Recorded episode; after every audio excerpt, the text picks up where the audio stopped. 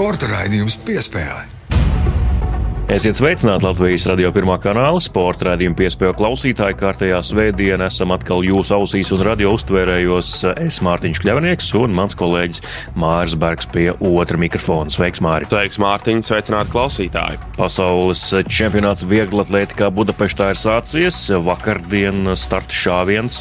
Vīri gan drusku aizkavējās ar 20 km soļojumu, bet to piespiedu darīt nelabvēlīgie laikapstākļi. Bet kopumā čempionāts ir sācies un tāpēc arī mēs daļēji par to runāsim, bet viesņi, kuri ir Latvijas vieglatlētikas uzlēcošā zvaigzne un nākotnes lielā cerība, būs šodien pie mums studijā. Jā, un uh, mūsu viesiņa arī startēs pasaules čempionātā vieglatlētikā. Starp citu, viņa jau rīt dodas ceļā uz Ungārijas galvaspilsētu.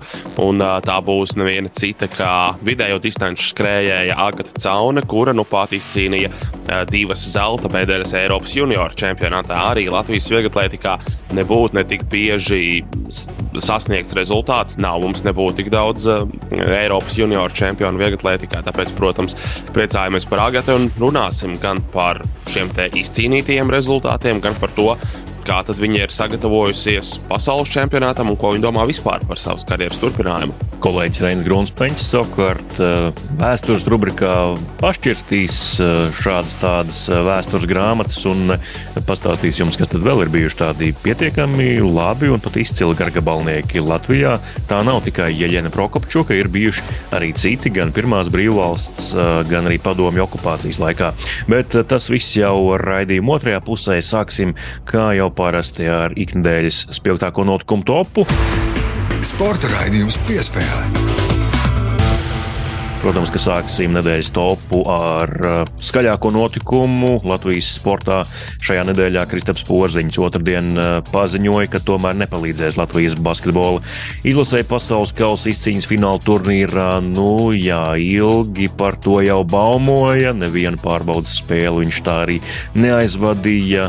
Nevienu reizi pat ar komandu neiesildījās pirms kāda no pārbaudas mačiem Latvijā. Un uh, skaidrs, loģisks lēmums no Kristapa puses vismaz mēnesis mēnesis vai pat sešas nedēļas vēl jāveic rehabilitācija traumētajai pēdai, bet uh, kopumā nu, mēs droši vien varam veltīt daudz skarbu vārdu Latvijas Basketbola Savienības komunikācijai šajā jautājumā, bet uh, nu, centīsimies būt ieturēti. Bet nu, tas noteikti nav tas līmenis, kādā būtu jāstrādā šai organizācijai. Jā, nu par Latvijas Basketbola Savienības komunikāciju tas varētu būt vesels atsevišķs temats vispār, par ko runāt. Uh, ņemot vērā, ka viņiem ļoti labi droši vien vajadzēja saprast, kāda būs interese ap izlasi tieši šī turnīra kontekstā. Un brīžiem tiešām radās tāda sajūta, ka komanda tiek turēta aiz aizslēgtām durvīm, un uh, durvīm ir nolausta atslēga, lai tikai neviens spēlētājiem netiek klāts. Un es neticu, ka basketbolisti ir tādas divas, tādas primadonas, ka viņi nevar sniegt intervijas līdzīgi kā citu sporta spēļu izlašu spēlētāji, jau gan volejbolisti, hokeisti, futbolisti.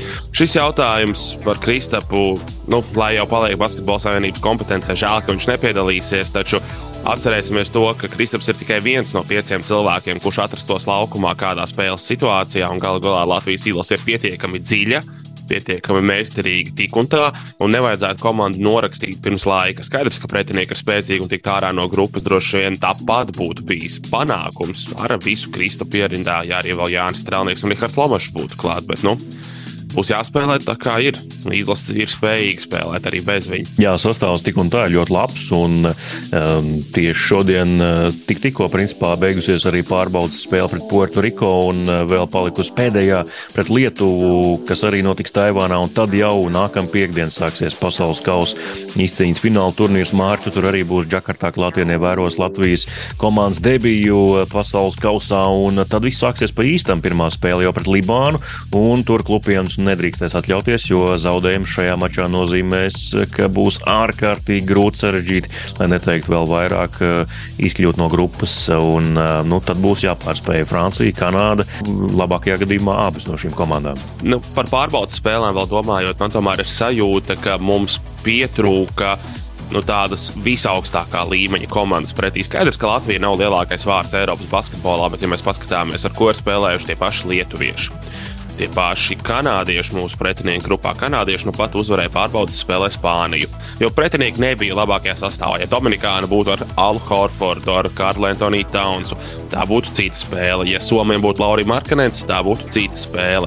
Nu, būtībā tikai lietuvieši gribētos teikt, ir tāds spēcīgs pretinieks pārbaudas spēlēs. Tas mums būs priekšā otrdien. Un lietuviešiem arī viņiem traumu dēļ nav būtībā vesela piecinieka izlasē. Tāpēc eh, nu, redzēsim, redzēsim, gaidīsim piekdienu. Jūs jautāsiet, kur šobrīd atrodas Kristaps Porziņš. Arī viņš ir Taivānā devies eh, uz turieni kopā ar izlasi. Kopumā tas, kas Latvijas izlasē ir jādara, vienkārši jābūt gataviem gan emocionāli, gan fiziski. Pirmajai spēlē pret Libānu, par to gan jau treneru korpus un apkalpojošais personāls parūpēsies. Tur ir ļoti daudz kompetenci kompetentu cilvēku, bet Mārī, tavā gadījumā. Tu jau uh, jaunadēļ pašā ievadā dodies uz Džakartu, vai viss ir sakārtots, vai bija kāda aizķeršanās, un uh, vai tev ielaidīs vispār Indonēzijā? Es ceru, ka ielaidīs. Nu, viss ir izdarīts, lai viss būtu kārtībā. Vīzas ir sakārtotas. Starp citu, nesatraucieties, ja kāds klausās no līdzjutējiem, kurš plāno doties uz Džakartu. Žurnālistiem mazliet savādāk. Viss šis ir uh, process jākārto. Kā jau, protams, kā tas notiek lielos turnīros, lielās sacensībās, bija šādas tādas aizķeršanās, bet tas viss piederās pie lietas. Un, uh, šķiet, ka viss ir kārtībā. Otradien vēl vakarā dodos ceļā, un uh, trešdien vakarā pēc vietējā laika jau jābūt Džakartā. Tad līdzīgi kā Latvijas izlase ierodos vienā un tajā pašā dienā, un tad jau noteikti ceturtdien mūsējiem pirmsspēles treniņš, un tur jau vajadzētu paviesoties. Un nākamā pieturvieta šīs nedēļas spilgtāko notikumu topā Latvijas futbola klubi Valmiera, kas ir Latvijas čempioni, un arī Rīga, kas ir futbola virslīgas šī brīža līdervienība, noslēdz savus gaitas um, Eiropas uh, konferences uh, līgā, tās kvalifikācijā un kopumā. Tātad arī Eiropausos visi Latvijas klubi šo arī savu skrējienu ir pabeiguši, finišējuši. Valmiera tātad piekāpās uh, Tirānas Partizānī divu spēļu summā, Albānijas Igaunijas klubām savukārt Riga, slavenajai Nīderlandes vienībai Tvente, divu spēļu summā zaudēja nepieklājīgo 0-5, bet eh, atbildes spēlē Rīgā. Ja izbraukumā rīznieks zaudēja 0-2, tad atbildes spēlē Rīgā vēl eh, pirmais puslaiks noslēdzās bezvārdu neizšķirti un spēle tiešām bija līdzīga. Un pat eh, maču sākumā rīzniekiem bija ļoti daudz un labu momentu gūt vārdus, un tur spēle var iegriezties pavisam citās sliedēs. Bet, nu, beigās, diemžēl, tie pēdējie divi vēlie vārti jau principā 90. minūtē jā, padarīja to rezultātu tādu varbūt drusku nepieklājīgu. Jā, rezultāts nepieklājīgāks nekā pati spēle. Nu, žēl, ka FC Riga nekas neizdevās. Varēja tomēr iekosties šajā spēlē, tīpaši mājās pret Venti. Nu, neko darīt. Tomislavs Stipičs, starp citu, pēc spēles nāca klajā ar tādu ļoti interesantu komentāru. FC Riga galvenais treneris. Viņš paziņoja, ka, ja nākamgad turpinās strādāt ar komandu, tad apsola 14 spēles Eiropas kausos, tad 8 kvalifikācijā un 6 grupu turnīrā. Ja FC Riga izcīnīs Latvijas čempionu titulu rudenī, nosargās savu pārsvaru, kāds viņiem šobrīd ir. Tas nav liels, bet nosargāt tāpat ir jānosargā tad viņiem būs Champions League kvalifikācija. Nu, tad turēsim Tomaslavu Stipišu pie vārda. Līdz Champions League grupu turnīram jāaiziet. Te jau arī pierādās arī tajā pašā UEFA konferences līgā. Mēs redzējām, kāds pretinieks jau ir trešajā kvalifikācijas kārtā. Ja Rīga pārvarētu Tventas barjeru, nākamajā kārtā tik un tā būtu Stambuls Fenerbahčs, kas ir milzīgs klubs ar milzīgām naudas iespējām, ambīcijām un, un arī ļoti spēcīgu sastāvu. Tas jau ir atkal cits līmenis. Tur ir pavisam citi miljoni Stambuls komandā. Un te arī pierādās parādās tas, ka Latvijas klubiem ir vajadzīgs šis čempionu zars. Čempionu līgā visticamāk, tu zaudēji kādā no kvalifikācijas kārtām, nonāca konferences līgas kvalifikācijā un pa čempionu zaru kāp uz to grupu turnīru. Un tad tur tev pretī var nākt Maltas čempioni, kā bija RFS pagājušajā gadā, vai, piemēram, Ziemeļīrijas čempioni, kuras barjeru arī RFS pārvarēja un tika grupu turnīrā. Tas tomēr, lai gan netiek sportā tā uzskatām akcentēts, bet tomēr īpaši Latvijas klubiem ir tāds parocīgāks, neteiksim vieglāks, bet parocīgāks ceļš, kā nokļūt līdz grupu turnīram. Noteikti jāparunā mums nedaudz arī par Valmieras komandu. Par Valmieru man uh, ir personīgi mazliet mīlas par to, kā visa šī vasara komandai attīstījās, jo tas, ka spēlētāji tiek izpārdoti, tā ir viena lieta, bet jautājums, kurā brīdī viņi tiek izpārdoti, un ja tas notiek Eiropas kampaņas laikā, komandas aiziet vairāk līderi, kā Milo Mēne, Ivans Žalisko, vēl vairāk spēlētāji tas tomēr neizskatās tik nopietni, cik tam vajadzētu būt. Skaidrs, ka komandas īpašniekam ir uh, savas intereses un arī finansiālās tā skaitā. Taču, nu, tik un tā, tā tas parasti nenotiek. Nu jā, Jurģim Kalnam droši vien nav viegli. Katru rītu jāceļas ar pārdomām, kuri šorīt būs treniņā un kuri jau būs aizbraukuši kaut kur uz Poliju vai kādu citu zemi. Nu, Jurģim Kalnam droši vien nākas pietiekami bieži vēmti pēdējā laikā, citējot viņa paša izteikumus vienā no preses konferencēm. Ja neatceraties, tad arī vienā no Latvijas radio sporta ziņā ēteriem tas skanēja. Pēc pirmā puslaika gribējās vēmt, pēc spēles izvēmos tā. Pēc viena no pēdējiem virslīgas mačiem Jurģis Kalns teica par savas komandas spēli. Šķiet, 2-2 pret Jālgavas komandu tajā spēlē viņiem bija. Lai nu kā, nu katrā ziņā Valmierai ir savas pārdomas, un arī Jurģim Kalnam noteikti būtu ko teikt, ja viņš nebūtu šīs komandas treneris, darbinieks. Noteikti tad viņš varētu mazliet brīvāk izteikties, ko viņš par visu šo domā. Tieši par spēlētāju pārdošanu brīdī, kad ir sezonas nu, ļoti svarīgi mači, varbūt pat, varbūt pat paši galvenie mači. Piespēle. Un pēdējā šīs nedēļas spilgtāko notikumu top 5 vieta - bobslēgs. Vasarā runājām par bobslēju, jo aktualitāte tāda, ka pieredzējušākais aktīvais Latvijas bobslēja pilots Oskars Čibermanis diemžēl neatgūstas no ceļgala traumas. Viņam sāp arī gūžas, iespējams, ka vēl kaut kas, par ko viņš eh, publiski nestāsta. Bobslēgstiem šos smagos svarus katru burtiski dienu cilājot un, un arī stumjot šīs smagās komandas ir dažādas traumas, parasti milzīgas problēmas ar muguru tieši pēc karjeras beigām. Tāpēc Oskars Čibermanis jau 30 gadu vecumā ir nolēmis likt punktu profesionāļu karjerai, un tā tad Latvijas komanda paliek tikai ar jaunajiem pilotiem sastāvā - Emīls Cipulis kā līderis. Jā, ļoti žēl, ka Oskaram jau 30 gadu vecumā jāliek punkts eh, bobslejas karjerē. Tomēr gribētu teikt, ka bobslejā tas ir mazliet dīvaini, jo šajā sporta veidā junioru vecums skaitās līdz pat 26 gadiem. Tātad 30 gados nu, tu vairs neesi jaunais, bet tikai tā esi mazliet apbružājies bobslejā, esi izbraucis visas trases un pamazām sācis saprast, ko tā dzīve vispār nozīmē šajā sporta veidā. Tomēr 30 gados Oskars Čibermanis, apmēram 32 Oskars Melbārdis varbūt treniņos kaut kur mūsējie pāršauja pārstrīdu, pārcenšas. Jo nav noslēpums, ka Latvijas stūmēji un arī piloti ir ārkārtīgi labi fiziski sagatavoti bet varbūt kaut kādā brīdī mūsu sportisti tiek izdedzināti. Iespējams, tā varētu būt viena no hipotēzēm, un gal galā, ja citiem sporta veidiem sagatavojoties sezonai ir viena tāda ilgāka treniņa nometne, tad bobslēgstiem ir vismaz četras, kuras arī ir ilgas. Latvijas bobslēgs gribētu teikt, tik un tā paliek labās rokās. Emīls Cipulis ir apliecinājis, ka ir talantīgs, ir spējīgs pilots izcīnot pasaules vice čempionu titulu galu galā.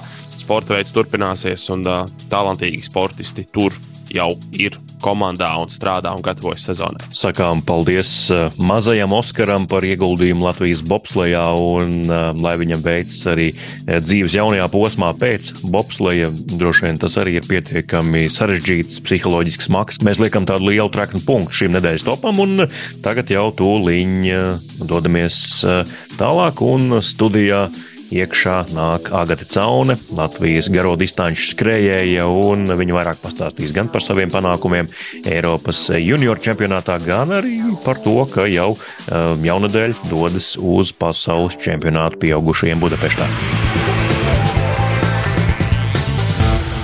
Sporta raidījums piespēle studijā Mārtiņš Kļavnieks un Mārs Bergs. Un šajā nedēļā mēs kaut kādā mērā turpinām to, ko mēs aizsākām jau pagājušajā nedēļā.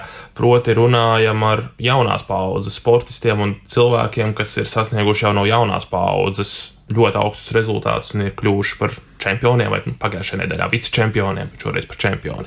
Jā, pagājušajā nedēļā tātad uh, Eiropas uh, basketbola čempionātā sportistiem līdz 20 gadu vecumam sarunājāmies uh, par sudraba medaļām ar Latvijas izlases pārstāvēm un arī galveno treneri. Tagad savukārt tā paša vecuma čempionāts, tikai viegla atletika un divkārtēji čempioni gan 3000, gan 5000 metros. Agata Cauna ir studijā. Sveika, Agata! Sveiki! Agata, Latvijā tu atgriezies tikai piekdien, bet drīz jau jādodas tālāk uz Budapeštu, uz pieaugušo pasaules čempionātu. Cik ilgi tu uzturies Latvijā un ko tu esi jau paspējis izdarīt, un kas ir tie steidzamie darāmie darbi, kas jāpaveic dzimtenē? Jā, es atgriezos piekdienā Latvijā. Divas dienas paņēmu pauzīti gan emocionāli gan fiziski, lai spētu atjaunoties, jo diezgan divas dienas kārtīgi skrēju, karsts, laikapstākļi ietekmē to visu arī atjaunošanās, bet mums bija līdzi izlasēja fizioterapeits, un viņš ļoti daudz palīdzēja man, lai atjaunošanās process notiktu ātrāk tur uz vietas. Un tagad jau šonadēļ es atsāku savu treniņu procesu, pēdējo treniņu bloku, lai sagatavotos pasaules čempionātam Budapeštā, un nākamnedēļ pirmdien jau dodos uz turieni prom uz Ungāriju, lai varētu startēt. Ir vēl, vēl kādas lietas, kas ir jāsakārto pirms pasaules čempionāta, kas nav tieši saistīts ar sportu, kas nezinu. ir kaut kāds, nezinu, fizioterapeits. Jā, Protams, fizioterapeits tas viss iekļauts treniņu procesa laikā, nedaudz universitātē jānokārto lietas, bet tā pārsvarā viss fokus tiek vērsts uz treniņu procesu. Šīs divas zelta medaļas jau pieminētās. Tev noteikti atnes ļoti lielu apsveikumu gūzmu. Varbūt ir kāds īpašs apsveikums, kas izcēlās uz pārējo fonu. Tiešām apsveikumu bija ļoti, ļoti daudz. Pateicos ikvienam, kas uzrakstīja, atsūtīja ziņu, pat arī balss ziņas tika atsūtītas no svešiem cilvēkiem. Tik mīļi to dzirdēt, ko viņi tur stāsta un novēl. Arī es biju ļoti, ļoti pārsteigta, ka mani sagaidīja lidostā gan Latvijas Vieglaitīgas Savienība, gan arī mani vecāki man uztaisīja pārsteigumu ar māsu, kad viņi ieradās mani sagaidīt, jo teica, ka nebūs sagaidījis mājās, un, protams, arī pašvaldības mājās Valmierā Instagram mani apsveica. Bija ļoti pagodinoši, un es biju ļoti priecīga, ka kāds man sako līdzi un novērtē to sasniegumu, ko esmu izcīnījusi. Jā, tiešām cilvēki vispār sako līdzi sportam, un arī pat uz ielas tev nāk klāt Valmierā veikalā. Tas tāds sākumā es biju ļoti apjukusi, ka nāk un sveicina un tā apsveic, bet tagad jau tas tā liekas. Protams, es saprotu, ka apsveic, un vienkārši man jāpierod pie tā, un esmu pateicīga ikvienam, kas mani apsveic. Es, es to ļoti novērtēju. Kā tur Jeruzalemē tas viss pēc pirmā zelta un pēc tam arī pēc otrā otrā 5000 metros, kā tur šis viss notika. Tad, tiksim, kā jau minēju, intervijā pēc 3000 metru skrējiena, ka ir dažādi video rullīši, dažādas intervijas ar ārzemju medijiem. Kas tur notika uzreiz pēc startiem? It īpaši pēc 5000 metriem, tā bija pēdējā diena, man bija vakar sesija, pilns ar cilvēkiem, bija, jo daudz bija izpirkuši biļetes, arī tas pašā skrējienā, tas atbalsts no cilvēkiem ļoti motivē to darīt. Tad, kad es ieskrēju finišā, es skrēju pie sava trenera un pie izlases, man citi izlases treneri, sportisti apsveic. Tas man bija tiešām tiešām kaut kas neaprakstāms. Pirmo reizi kāds iesita pieci, uh, apsveica, un arī pēc tam pat gribēja ar mani bildēties, manus autogrāfus. Daudziem pat bija manas bildes pēc starta, kuras strādāja Eiropas komandas čempionātā, un man pat bija jāparakstās uz teikrekliņa un uz tām bildēm. Tas ir kaut kas jauns man, un tas ir man tāds patīkams, un arī cilvēki liek iekšā šīs bildes ar maniem, ko mēs esam taisījuši kopā, un tas tāds, tāds patīkams pārsteigums. Salīdzinot ar citiem sporta veidiem, pašu basketbolu, ka tie fani ir daudz, viņiem tā pašām futbolam, mēs vieglāk tikai tik ļoti to neesmu redzējusi, skatoties uz citiem augstlīmeņa sportistiem gan Latvijā, gan Eiropā vai pasaulē. Bet jā, tas pats arī tas mazumiņš, kas ir Latvijā, man tas ir daudz, un man ļoti priecē, ka kāds grib ar mani nobildēties vai manu autogrāfu. Vismaz tas, ko tu tikko teici, tas pierāda tādu ļoti tādu piezemētību, varbūt pat pieticību, kā ir ar tiem panākumiem.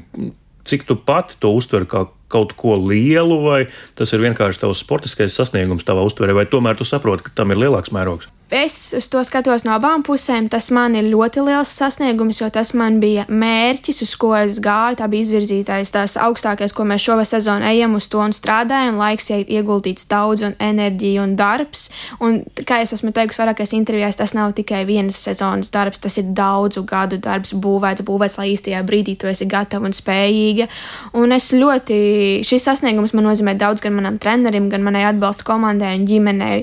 Un arī tas arī paver man man kā jaunam sportistam dažādas iespējas. Gan ar tiem pašiem sponsoriem, tas ir ļoti daudz, arī startēt augstlīmeņa sacensībās, kā Dimanta līgā. Tas tiešām, ja tu parādi, pierādi sevi, tad tev tiešām nāk šīs iespējas, un kuras ir jāizmanto, jo tu nezini, vai jeb, jebkad tu atkal būsi tik labā formā. Varbūt par savu komandu mazliet vairāk pastāsti, vai esi visu savu karjeru, skriešanas profesionālo karjeru, ja mēs tā varam izteikties, kopā ar vieniem un tiem pašiem cilvēkiem, kas tevi ir veduši pa šiem pakāpieniem uz augšu, uz augšu līdz Eiropas U20 čempionātam tagad līdz dalībai pieaugušo pasaules čempionātā un galu galā arī jūlijā debitēja Dimanta līgā, kas ir prestižākās komercsacensības vieglatlētī. Pārsvarā, jā, treneris galvenais uh, ir Aits Ravinskis, iepriekš bija līgdzena viņam sieva, kas man ielika tos pašus pamatus, tos vieglatlētīgus pamatus, bet tieši ar skriešanu ir Aits Ravinskis, kurus mēs jau daudzus gadu garumā sadarbojamies. Sportā ārsts Latvijas Olimpiskajā vienībā ir Jānis Kaupa, kas man palīdz, un fizioterapeits tepat Valmierā, kas ir ļoti, ļoti svarīga sastāvdaļa, kad viņš ir tev klāt jebkurā brīdī. Jā, tie ir tie cilvēki, kurus es daudz gadu garā strādāju, un bez viņiem tas nebūtu iespējams. Ir kāds, kas tev varbūt dod padomu arī ārpus sporta aktivitātēs, nu kā sev labāk pareklamēt vai parādīt, atrādīt sponsoriem? Tādi cilvēki man vēl nav. Bet tieši par šo komerciālo sporta pusi skaidrs, ka elites līmeņa vieglatlētiem ir daudz un dažādu atbalstītāju, Jā. vai pēc šiem uzvarētajiem mačiem Eiropas čempionātā nezinu, piemēram, kāds eh, sporta preču ražotājs ir tevi uzrunājis, eh, gribot atbalstīt, vai varbūt ir vēl kādi piedāvājumi jau sakojuši šajā ļoti īsajā laikā, jo būtībā pēc Eiropas čempionāta ir aptuveni nedēļa tikai pagājusi. Šobrīd nē, bet pirms Eiropas komandas čempionāta Polijā, kas norisinājās jūnijā, es parakstīju līgumu ar savu menedžeri, un eh, vēlāk jau parakstīju līgumu ar sporta zīmolu Pumu, kas man atbalsta, kad nodrošina visu sporta ekipējumu, lai es varētu aizvadīt pilnvērtīgus treniņus. Man ir menedžers un man, kas kas visu nodrošina man un meklē piedāvājumus, tāpat arī tās sacensības, kuras startē kā dimanta līga, un arī saistībā ar tām precēm, kā zīmola puma, nu, apģērbs un apava, kas ir ļoti, ļoti būtiski man kā sportistam ir apava. Es jūtos komfortabli šajā zīmolā un esmu pateicīga, ka mani atbalsta un jaunam sportistam vispār ir piedāvā līgumu. Tas ir tiešām, ka tu saproti, ka tu vari arī parakstīt un tu vari izmantot šīs iespējas. Jā, no Eiropas šis čempionāts sportistiem līdz 20 gadiem notika Jeruzalemē, kā jau mēs minējām. Nu, tā tomēr ir tāda pilsēta, kas atrodas tādā ģeopolitiski nestabilā reģionā, tādā saspīlētā zonā. Vai tu jūties droši, esot tur uz vietas? Jā, es tur jutos pilnībā droši. To pat īpaši neizjūtu to situāciju. Runājot par cilvēkiem, viņi bija ļoti labsirdīgi arī, un viņi visu to nodrošināja. To tajā mirklī, ka tu kā sportists to tu neizjūti tās situācijas, kas tur ietekmē, bet kā cilvēki viņi bija ļoti ļoti forši un palīdzēja, ko vajadzēja, un tas pats galvenais. Vai izdevās apskatīt apkārtni, Jeruzalemes pilsētu, varbūt tuvāko apkārtni, kas ir Izrēlā, tur tuvumā? Raudu mūrs galvā. Diemžēl nē, komandas biedri daži aizgāja. Viss, ko es redzēju, bija stadions, veikals un kafijas veikaliņš un viesnīca. Tas bija viss. Varbūt tas, ka tu ieej veikalā un tas tā netīrība nedaudz tāda, ka tu, tas iekrīt tev acīs, ja tur uz zemes kaut kas mētājas. Mums tā Latvijā tas nav tik ļoti izteikts un vispār to nevar redzēt, bet tu tur ieej un tā viņiem ir ikdiena ikdiena arī uz ielām. Bet eh, tādā ziņā pārtiku tu vari nopirkt to, ko tev vajag, un atvest dažādas saldumiņas, vari pagaršot, bet tā es tam īpaši nepievērsu uzmanību. Jā, nu tad pievērsīsimies arī tiem taviem sasniegumiem un eh, konkrētajiem skrējieniem. Pirms tam gan vēl eh, pirms intervijas uzaugs atmiņā tā frāze, ko daudzi Latvijas un arī pasaules sportisti pirms sacensībām ir sacījuši publiski.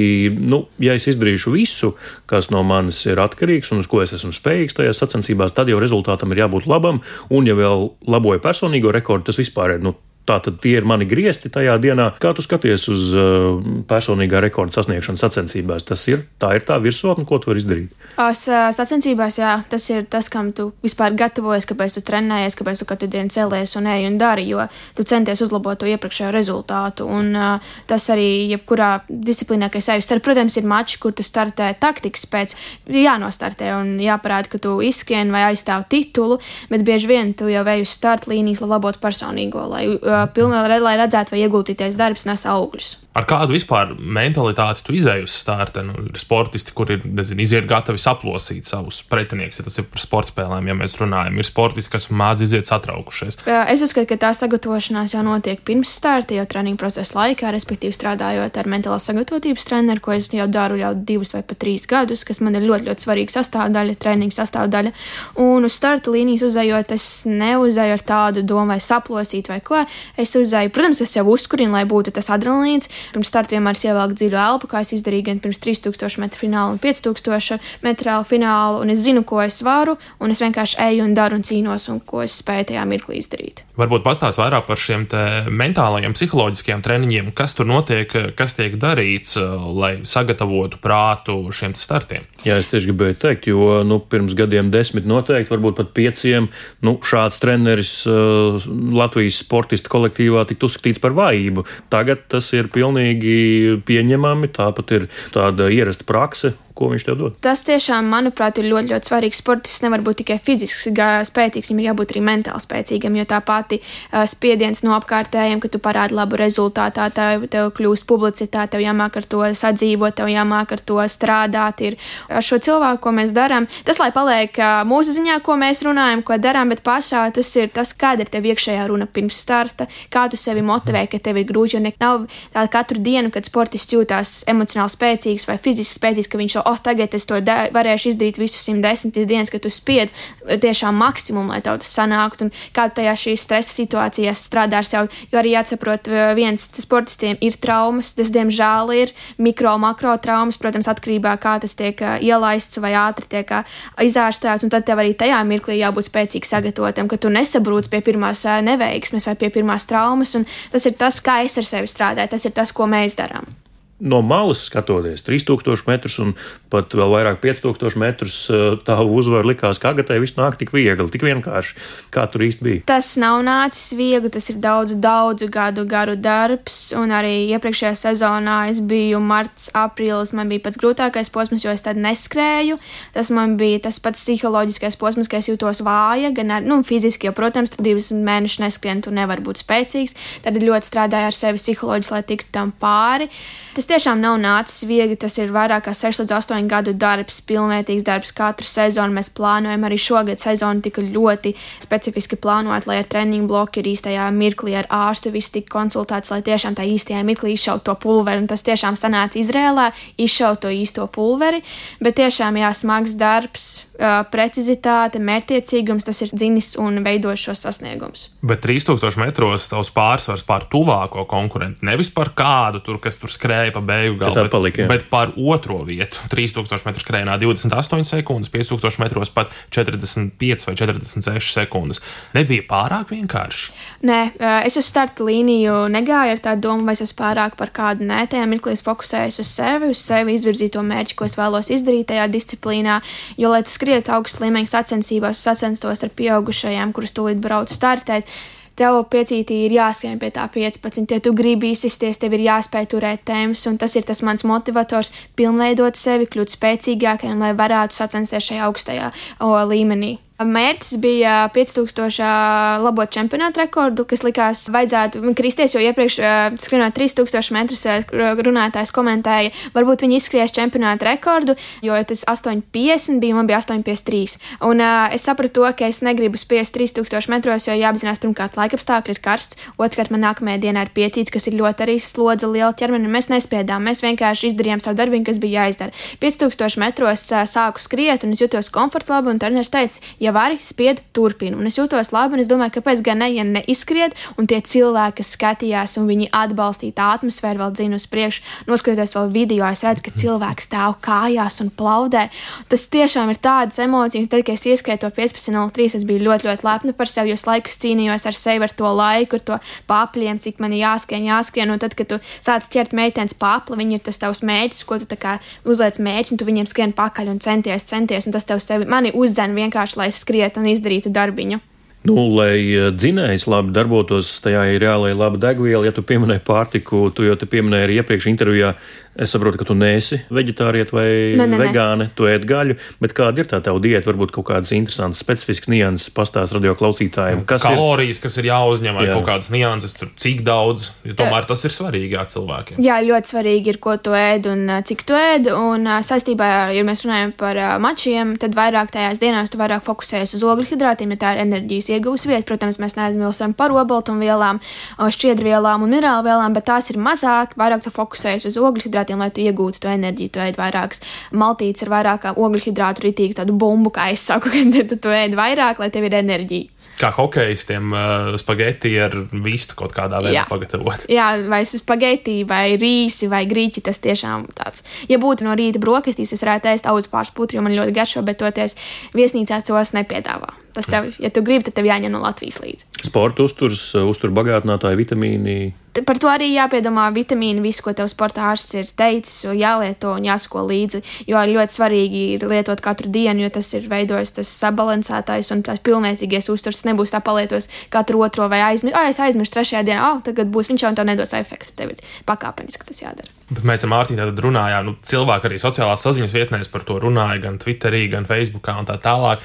Vai tu pati sevi tā kā uztver kā tādu nākotnes Latvijas vieglatlētikas cerību? Jo cilvēku uz to liek tiešām liels cerības, ka, lūk, Agata Cauna ir tā nākamā zvaigzne Latvijas vieglatlētikā. Un arī šo, tevis minēto interviju aprakstā bija minēts Rising Star, jeb no angļu valodas tulkojot uzlēcošā zvaigzne. Es ceru, ka es spēšu parādīt vēl labus sasniegumus un izcīnīt labas labas vietas, tāpat arī izskriet ļoti daudz personīgos rekordus, bet to laiks rādīs, un man nepatīk laikam runāt pa priekšu, un, bet es ceru, ka izdosies, un kā būs, Lēns, tā būs. Varbūt pastāstiet vairāk par šo gatavošanos, kas tiek darīts šobrīd. Tad tikko ir noslēdzies viens čempionāts, kur minēja, ka bija svarīgi izlikties un sasniegt labākos iespējamos rezultātus. Cik gatava būs Budapeštā, vai šis Eiropas čempionāts nav paņēmis pārāk daudz? To, cik gatava būs Budapestā, to mēs redzēsim priekškrējienā, bet šobrīd mēs sagatavojamies tepat Valmērā, kur man tiek nodrošināts viss, kas man ir nepieciešams - stadions, mešs. Un jā, mēs šobrīd aizvedām intervālu sesijas, garos uh, skrējienus, jo jāvāc ir kilometrāža arī, par to nedrīkst aizmirst. Jā, treniņa process ir smags, bet nepieciešams, jo es zinu, kāpēc ir jātrenējas, kāpēc tas ir jāizdara un ko tas dos. Sports sportistiem dzīvē ir daudz kas un aizņem daudz laika, bet tas nav viss. Tomēr to arī, vismaz, kad pirms diviem gadiem sarunājāmies, tad vēl mācījies vidusskolā, tad arī stāstīji, ka par mācībām ļoti daudz domā. Tagad savukārt augstākā izglītība universitāte, kur studē, ko apgūsti un cik daudz laika tas tev prasa? Jā, šogad pabeidzu 12. klasi. Septembrī sākušu mācīties Latvijas Universitātē biznesa vadībā. Izvēlējos tepat mācīties Latvijā, un viņiem piedāvāts ir tāda duālā sporta karjera, ka tiek domāts par sportistiem, respektīvi, tu fokusējies uz savu treniņu darbu, bet, protams, arī iegūst paralēli izglītību, jo izglītība ir ļoti svarīga. Tu mācies brīvā laikā, kad tev ir brīvs, ka tu vari, piemēram, ka tu esi vairāk Latvijā, tu vairāk velti mācībām arī laiku, un pirms tu brauc prom uz nometnēm, tu vienkārši izpildi tos minimālos darbus, kas ir nepieciešami. Jā, es biju ļoti ļoti priecīga, ka man šī iespēja nāca, viņa paša man piedāvāja. Un es domāju, kāpēc gan neizmantot, ja es varu tepat Latvijā sportot un tepat arī iegūt izglītību. Jā, nu šķiet, ka vieglatlētiem nu, kaut nedaudz, bet pateicīgāk tas ir, jo vieglatlētu sezona pamatā tomēr ir vasarā, kad skolā ir brīvs. Skaidrs, ka ziemā un pavasarī jums ir dažna dažādas nometnes, taču tomēr tas grafiks ir mazliet brīvāks, un tad var tomēr kaut nedaudz vairāk laika atlicināt šīm mācību lietām. Mm, protams, vairāk, jā, man kā garām distanču skrējienam vasarī tas pats galvenais ziema ir tāds kā pārējais posms, kad tu arī pārbaudi savus ātruma īpašības, jo ir īsāks distances jāskan manēžā. Bet jā, tāpat tas tā visa plānošana būs tāpat kā mācoties vidusskolā.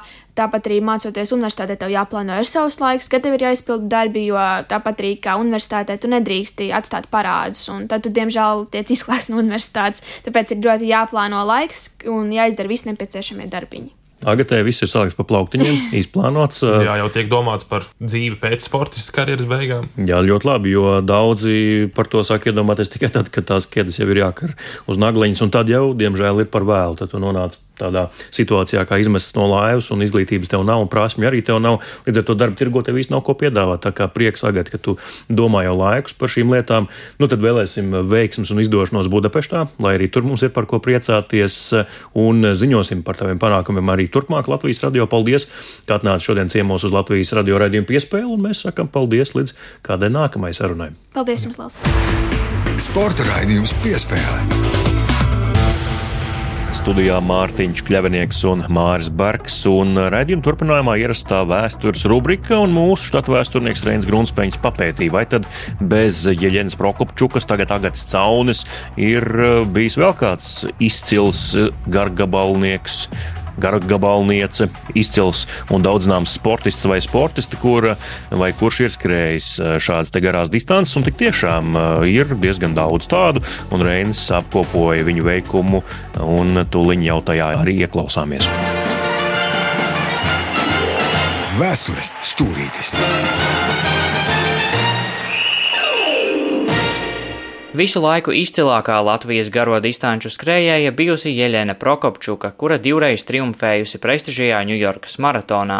Tomēr garo distanču skriešanas vēsture, kas sevi ietver distances vismaz 3000 metru garumā, Latvijas vieglatlētikā ir krietni plašāka. Par pirmo latvieti garo distanču skrējēju Olimpiskajās spēlēs var uzskatīt Lielbritānijā dzīvojušo Juri Liepiņu, kurš kā Georgs Lins 1908. gada Olimpiskajās spēlēs Londonā pārstāvēja Krievijas impēriju, piedaloties maratonā. Dzīvis Kurzemes guberņā kā Juris Liepiņš, viņš aptuveni 20 gadu vecumā pārvācās devās uz Angliju, kļūstot par Georgu Lindu. Maratonā viņš izcīnīja 19. vietu, finišēdams 3 stundās, 26 minūtēs un 38 sekundēs. Gandrīz puse no 55 startējušajiem dalībniekiem līdz finišam White City stadionā netika. Līns kļuva arī par pirmo Krievijas impērijas vieglatlētu olimpisko spēļu vēsturē, jo Krievijas valdība neatbalstīja savas valsts sportistu dalību Londonā. Četrus gadus vēlāk Stokholmā latviešu pārstāvniecība jau bija krietni lielāka, maratonā startējot Andrejam Kapmalam, Andrejam Krūkliņam, Nikolajam Raso un Aleksandram Upmalam, taču 30 grādus lielā tveicē neviens no viņiem finišu nesasniedza. Latvijai iegūstot neatkarību, pirmās brīvvalsts laikā slavenākais gargabalnieks bija Artūrs Motmillers. Viņš 13 reizes laboja Latvijas rekordu dažādās distancēs. 1933. gadā sasniegtais rekords maratonā - 2 stundas 41 minūte un 38 sekundes rekorda statusā noturējās 19 gadus.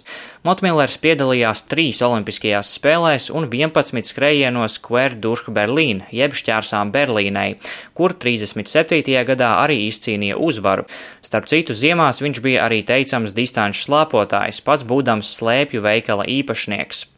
Bez Motmillera starpkara periodā nevar nepieminēt arī Vili Cimermani un Voldemāru Vītolu. Cimermanis bija baltvācietis, kurš 23 reizes triumfēja Latvijas meistarsacīkstēs un 31 reizi laboja Latvijas rekordus, sākot no 800 metru distances līdz pat stundas skrējienam. Olimpiskajās spēlēs viņš piedalījās divreiz - Parīzē un Amsterdamā, taču, diemžēl, 1936. gadā pāragri devās mūžībā. Arī Voldemārs Vītols dominēja Latvijas čempionātā 30. gadu beigās, labojot Latvijas rekordus gan 5000, gan 10 000 metru skrējienā. 36. gada Berlīnas Olimpiskajās spēlēs Vītolam 7. vieta 3000 metru šķēršļu skrējienā. Sievietes tajā laikā startēja daudz mazāk disciplīnās, turklāt garajās distancēs nepiedalījās nemaz. Padomju okupācijas gados lielākos panākumus sasniedza cēsnieks Juris Grustīņš. 72. gadā Grenoblē viņš kļuva par Latvijas pirmo Eiropas čempionu telpās, saspringtā finiša spurtā triumfēdams 3000 metru distancē. Grustiņam joprojām pieder arī Latvijas rekords 5000 metros - 13 minūtes un 34,2 sekundes. Šim rekordam šovasar apritējuši jau 52 gadi. 71. gada PSRS tautu Spartakjādē Maskavā viņš ar šo rezultātu izcīnīja bronzu, pēdējā aplī no skrējiena aizmuguras veicot lielisku pietuvošanos līderiem. Gandrīz tikpat vecs ir arī Latvijas rekords 10 000 metros, kuru 73. gadā Maskavā sasniedza Genādijs Hlistovs. 28 minūtes un 25,8 sekundes. 68. gadā Londonā Hlistovs uzvarēja arī 10 000 metru distancē PSRS un Lielbritānijas izlašu mačā. Gan Grustiņam, gan Hlistovam treneris bija Imants Gailis.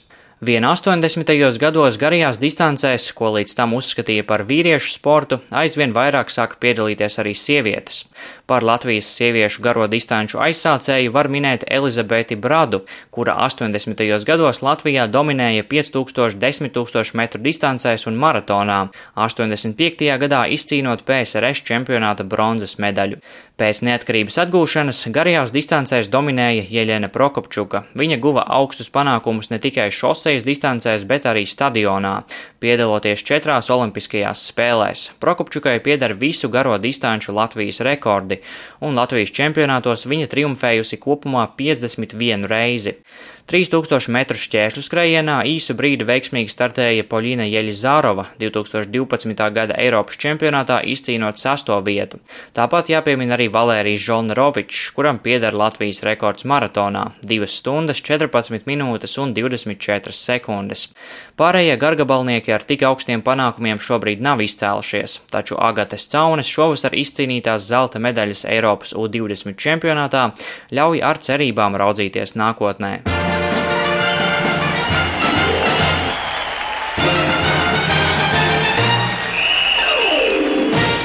Svētdiena Latvijas radio pirmais kanāls, sporta raidījums piespēle studijā pie mikrofoniem Mārtiņš Kļavinieks un Mārs Bergs. Tāds lūk raidījums šajā nedēļas pēdējā dienā un sakām jums paldies par klausīšanos. Sekojiet līdzi pasaules čempionātam vieglatlētikā Budapeštā.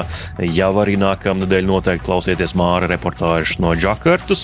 Nākam svētdien viss parunā basketbolu gan Gunāra Jākapsona rubrikā, gan arī pie mums raidījuma intervijas sadaļā. Svarīgi piebilst, ka raidījums piespēle tiešraidē skan arī nākamnedēļ. Tās atradīšos Džakartā. Tas ātrumu mums nemazina modernās tehnoloģijas mums ļauj eh, sazināties, komunicēt ļoti augstā kvalitātē. Paldies, ka klausījāties šajā svētdienā. Dariet to arī pēc nedēļas. Un, ja nedzirdējāt raidījumu lineārajā ēterā, tad meklējiet to visur, kur dzīvo raidierakstī. Tur to varat atrast, meklēt. Un arī tur ir interesants saturs, kas neskan radio ēterā. Tur arī garāks intervijas ar raidījumu viesiem. Pameklējiet, paklausieties. Bet šoreiz sakām jums paldies un līdz nākamajai svētdienai. Uz tikšanos! Sporta raidījums piespēlē.